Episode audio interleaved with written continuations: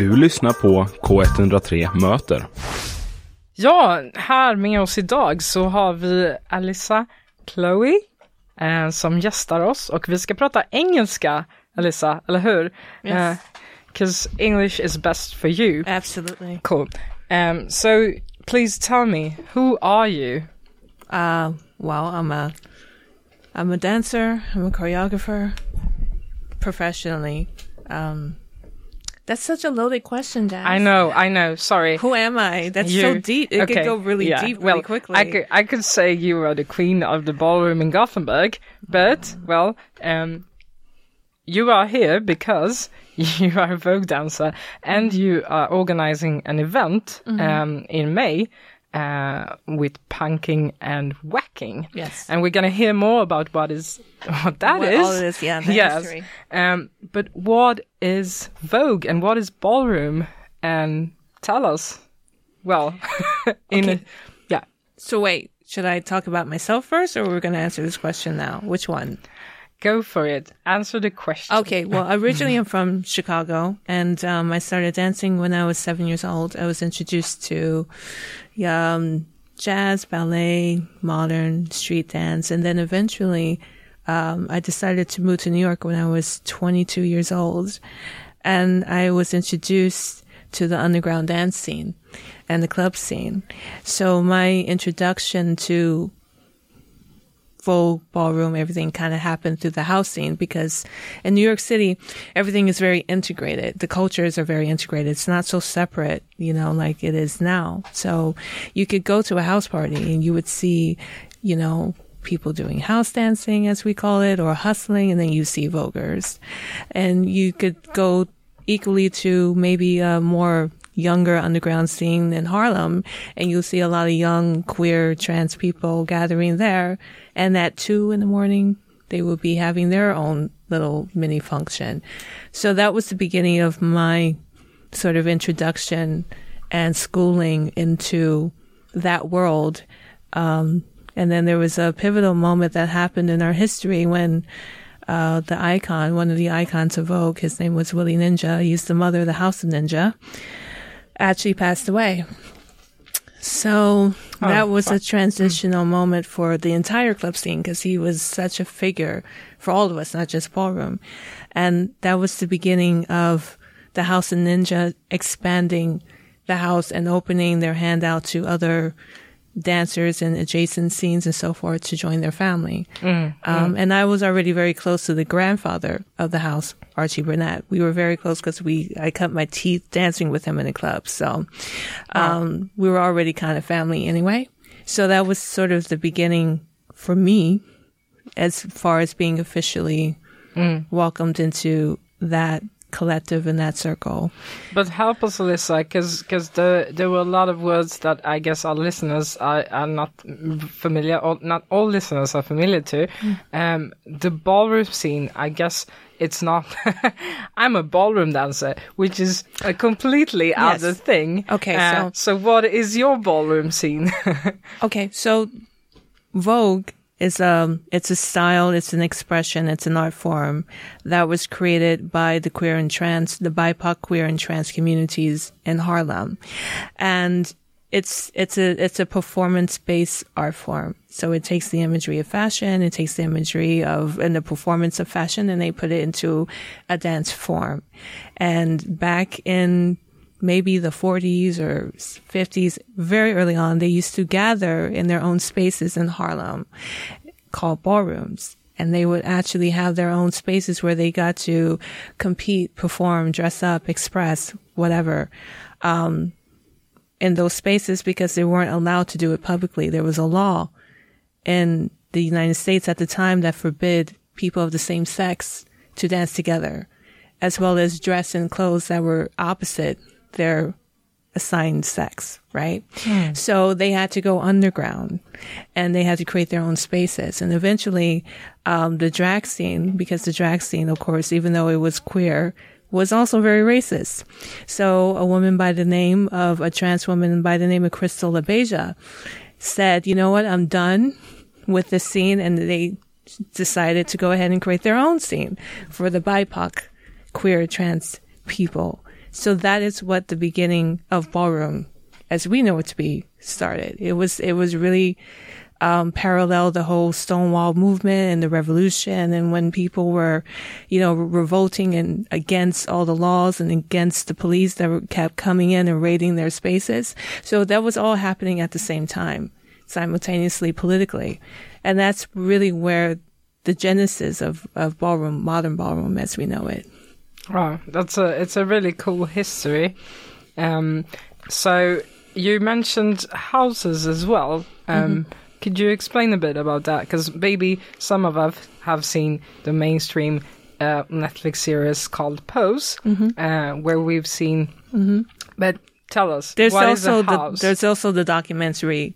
The most famous one is Paris is Burning, and then there's another Thank documentary you. called Kiki, which was I think one of the Swedish uh, people here was a director for that film. So a house is just basically it's a group, it's a collective. It takes on the role. In the beginning, it served a purpose as more of a family oriented type of um, collective when you're dealing with people from that community who are marginalized and maybe rejected from their families or for whatever reason. It's not all, that's not all the same narrative, but they all have different reasons for joining. But it's really basically a family unit. It's a group. It's a crew. You know, every, you know, scene, we all have our cliques and crews. And so that's basically what a house, and they take on the names of fashion houses because of course this is a style inspired by fashion. It's all about becoming like a fashion model and being celebrated and, you know, being feeling better than everyone, you know. So they take on the names and they take on these different fashion houses and that becomes the name of the house. Mm, wow. In the beginning it was family, but now it's more business. Please tell us how this how did this wonderful uh, dance culture come to Sweden and Gothenburg? Well, um, to Sweden, it was there was a group of um, dancers actually um, based, I think, in Stockholm originally, who used to come to New York and travel, and they would take these classes with um, my teachers Archie and Benny and Javier Ninja um, as well as, you know, hang out within the scene. So they started becoming exposed to the dance through New York and through all of us. And then they started represented that in Sweden. And eventually my teachers, the very first, um, opportunity that I think Gothenburg experienced Vogue was through Archie and Benny. They came and they did a demonstration, like, you know, years ago. So that was the beginning of it, but nothing came from that. I think most of the scene what I was interested in Vogue and ballroom culture was mostly in Stockholm, and it's still 80%. I think Stockholm is, you know, predominant. But then, but then you came to town. I came to town. Yes. And I organized an event. Actually, it wasn't my initial um, idea to do it, but somebody who wasn't any attached to any of this culture wanted to do something with it. And so my, my job was to be responsible and go, wait a minute. If I get involved behind the scenes, at least I can have some type of, I can direct how the culture should be brought out, especially when you're dealing with people who are not connected to the culture. They just want to bring something different and market off of it in some way. So that was really my initial reason why I got involved in organizing. It wasn't really anything altruistic beyond just let me make sure the culture is represented correctly and we at least have the right um, energy and the right motivation and agenda in doing so.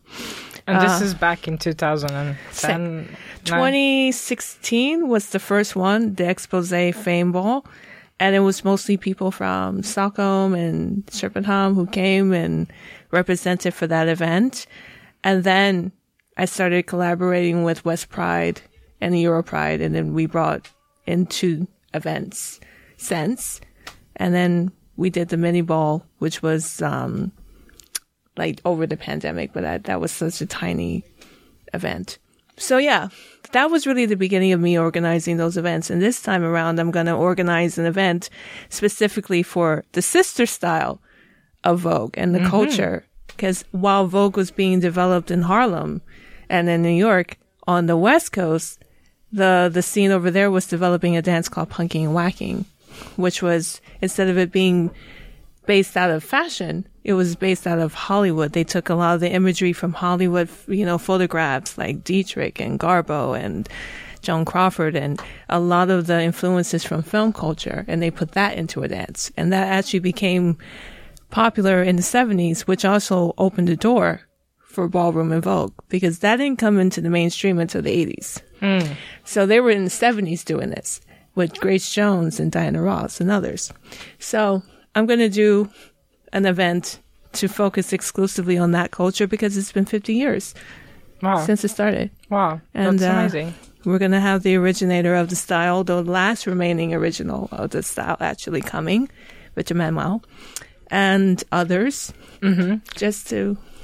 So where should we come? When? It is coming the 25th to the 28th of May. Mm-hmm. And it's going to be in various locations, but if you follow um, Instagram, Expose Gothenburg, Expose A Gothenburg, you'll see all the information there. Wow. And they're all cool. international guests coming, so. And can we? Um, do you have like courses for beginners, or, or do you have to be um, um, ambitious Vogue dancer to attend? Well, for punking and whacking, um, we're going to have workshops. It's for open for everyone. Um, we're going to try to keep it um, available to anyone who is interested in coming. I think the most important thing to learn from this event is the history, because I'm going to bring out a lot of archive footage that is nowhere to be found, not even like on YouTube, to show and lift that story and bring that story out. And then, you know, you come and you can take whichever classes you want you know it's a very um different feeling from vogue um in that sense you know i think it's a lot more freedom in this one than i, I would say vogue vogue was very specific but still everyone is welcome to come and you know try it. No we're not going to turn anyone away Sounds very cool. Is there any documentary we can watch to learn more about whacking and, and punking? That's the thing. There is none. That's why this event is so special because I was able to actually get a hold of footage, archive footage, and I'm collaborating with a performing arts theater organization in New York that holds this footage that actually shows um, one of the originators of the dance who we haven't yet heard his story. Hmm. So this would be the first time in the world outside of that space in New York that the world gets to hear this other story and really hear about the origins from them, how they came up with this dance and where it came from and all that. It's very, it's so good. That's so amazing. exciting, yeah. It's amazing to hear. Congratulations, Alyssa. Thank you. Um, one more question before we, we wrap up. I mean, there's there's been a lot of mainstream culture capitalizing on, on Vogue and ballroom, right? So I I guess it got into the mainstream culture with with Madonna and her dancers and so on. Can you can you give us a a, a small lesson about that in two minutes? And to me, uh, well, I don't, you know, No. the thing is, people who actually went mainstream with Madonna were from the culture. They wanted to go mainstream with her.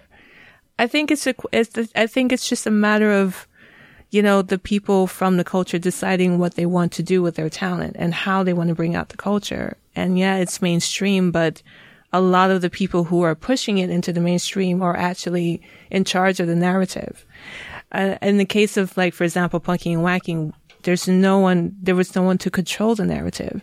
So now we're fighting desperately to bring it back. Versus Vogue and Ballroom, I think they've had a better, they've done a better job with at least making sure that they're involved in the process of how are we going to push ourselves out there? Who's going to be in the front? You know, who's going to write? Who's going to produce it? You know, it's not fun for me per se personally when something that I know to be so sacred is out in the mainstream. But at the same time, you know, at least it's them doing it. And I'm very proud of my friends to see them on TV and see them doing all of this. But, you know, I'm not interested anymore because it's mainstream. Hmm. And I'm not a mainstream artist. I'm an underground artist. Hmm. Hmm. And I'm always going to always have my foot there. Makes sense. My heart is always going to be in the underground. You Cool. know? So next next thing, expose Gothenburg, and you can check it out on on Instagram if you want to follow Alyssa. And You can follow me on my page. You can follow the event. X, uh, I'm on all the socials. You can find me. and you'll hear all Cool. about it. thanks for being here, Alyssa. Thank you for It's inviting me. Thank Mm. you.